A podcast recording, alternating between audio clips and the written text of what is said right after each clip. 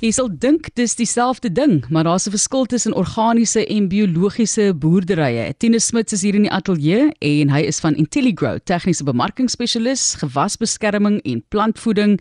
En ja, jy weet as jy nou kyk na gewasbeskerming in die streek waar daai haalstorm nou was. Ek het nou vandag 'n hele klomp video's gister gekyk hoe erg dit eintlik was. Ek kan net dink wat se skade daar aangerig is, maar terug na ons tema.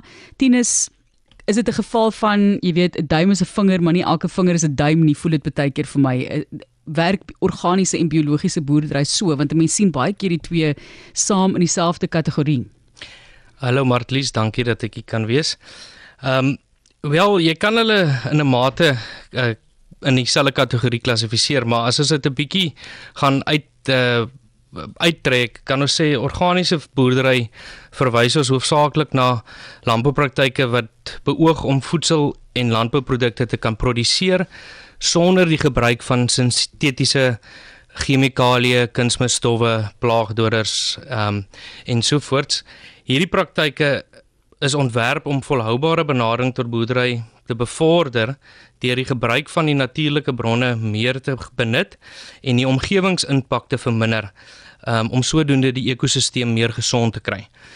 Die term biologiese boerdery, ehm um, kan jy dalk in dieselfde konteks in sekere gevalle as sinoniem tot anorganiese of organiese boerdery sien, maar dit verwys na 'n breër perspektief wat die beginsels van biologie en ekologie in landboupraktyke meer beklemtoon. So biologiese boerdery fokus op die gebruik van biologiese prosesse en ekologiese beginsels om dis 'n gesonde, vrugbare landbouomgewing te handhaaf en dit sluit in die gebruik van organiese materiaal, rotasie van gewasstelsels, ehm um, en soms wel sintetiese chemiese produkte wat jy nie in organies sal kry nie. En dit dra als by tot 'n meer optimale uh produksie uh voedselproduksie. Maar is ook belangrik uh om af te sluit op die op die vraag dat ons moet dit in konteks sien waarin die terme gebruik word. Ehm um, in sekere gebiede en kultuurgroepe en tale ehm um, word die definisie dalk bietjie anders interpreteer. In die algemeen is die doel van beide organies en biologiese boerdery om 'n volhoubare, omgewingsvriendelike benadering tot landbou te kan bevorder. Ek ken 'n boer wat sê hy doen organiese boerdery, dis wat hy toepas op sy plaas, maar die ouens rondom hom raak baie kwaad want daar is natuurlik sekere gevolge daarvoor.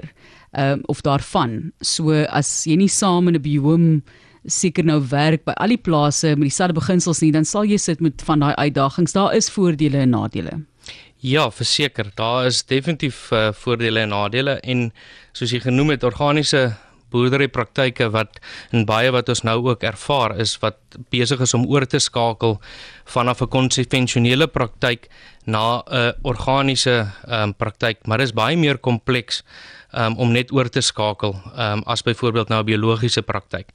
Die proses is baie langer. Ehm um, daar's verskriklik baie regulatoriese vereistes ehm um, waaraan jy moet deurgaan oor 'n periode van tyd ehm um, voordat jy as 'n organiese verbouer reg gaan gaan klassifiseer kan word.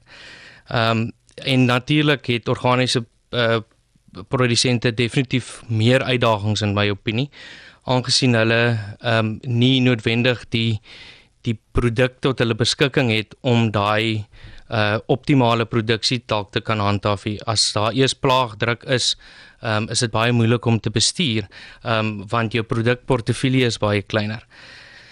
Ehm um, rakende plantbeheerstrategieë ehm um, is daar al reeds gelukkig baie biologiese produkte wat wat gebruik kan word. Maar ehm um, hierdie metodes van werking van hierdie tipe produkte ehm um, is meer kontak van aard. So jy spuit nie die ding dood as jy hom raak spuit nie. So dis 'n uitdaging en as jy dit na biologiese boerdery praktyke kan vat, ehm um, is jy bietjie meer geïntegreerd met sintetiese produkte. Ehm um, wat dalk kan help om meer optimale produksie te kan handhaaf en dis meer winsgewend te kan boer. Ehm um, en hierdie proses van oorskakeling is aansienlik eenvoudiger, ehm um, dink ek op hierdie stadium, ehm um, met wat ons in ons land tot ons beskikking het.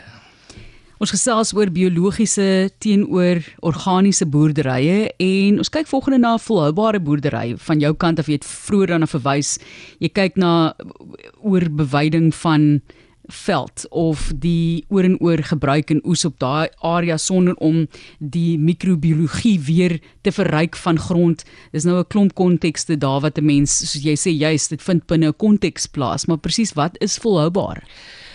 Wel, dit is dit is 'n baie breë term. Ehm um, en ons kan eintlik heeldag net oor dit praat, maar volhoubare boerdery ehm um, in landboupraktyke beoog om voedselproduksie te kan handhaaf ehm um, en te verbeter deur die omgewing natuurlik eerstens te bewaar ons sosiale geregtigheid te kan bevorder en so ook ekonomiese um, volhoubaarheid um, stelsels te kan handhaaf.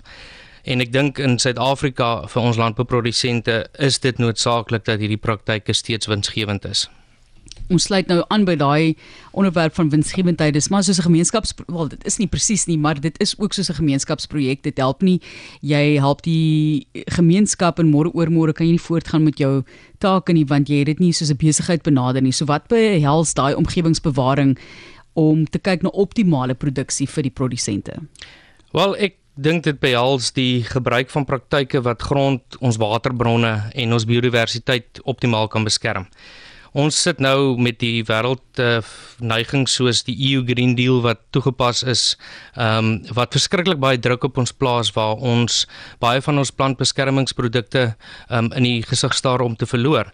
Ehm um, die verbruikers is dus baie meer ingelig ehm um, al is dit soms nie noodwendig altyd gegrond op direkte wetenskap nie ehm um, wat dan veroorsaak dat die behoefte vir organiese en chemikalievrye vrugte en produkte by die verbruikers in die buiteland waar ons baie van ons produkte na toe stuur aansienlik toeneem.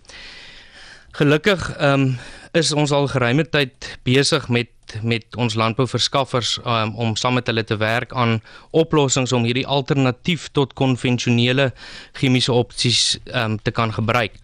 Ehm um, heidaglik as ons dit moet vergelyk met wat ons al al reeds doen, ehm um, gebruik ons uh, maak ons al reeds gebruik in ons plaagbeheer strategieë van uh, biologiese produk opsies soos makroorganismes, dis soos predatoriese uh, wespes, predatoriese myt spesies wat spesifiek op sekere insekspesies soos witluis en dopluis op sy spesifieke lewensstadium beheer effektief kan toepas ehm um, mikroorganismes ehm um, produk uh, wat uit produkte wat geformuleer is uit in in uh, van virusse, swamme, bakterieë ehm um, word ook al reeds baie effektief gebruik het sy op hulle eie wat effektief ekonomies beheer ehm um, gee ook dan ook met konvensionele chemiese oplossings waar jy steeds die uh, optimale produksie kan handhaaf maar jy bewaar ook nog steeds die die omgewing.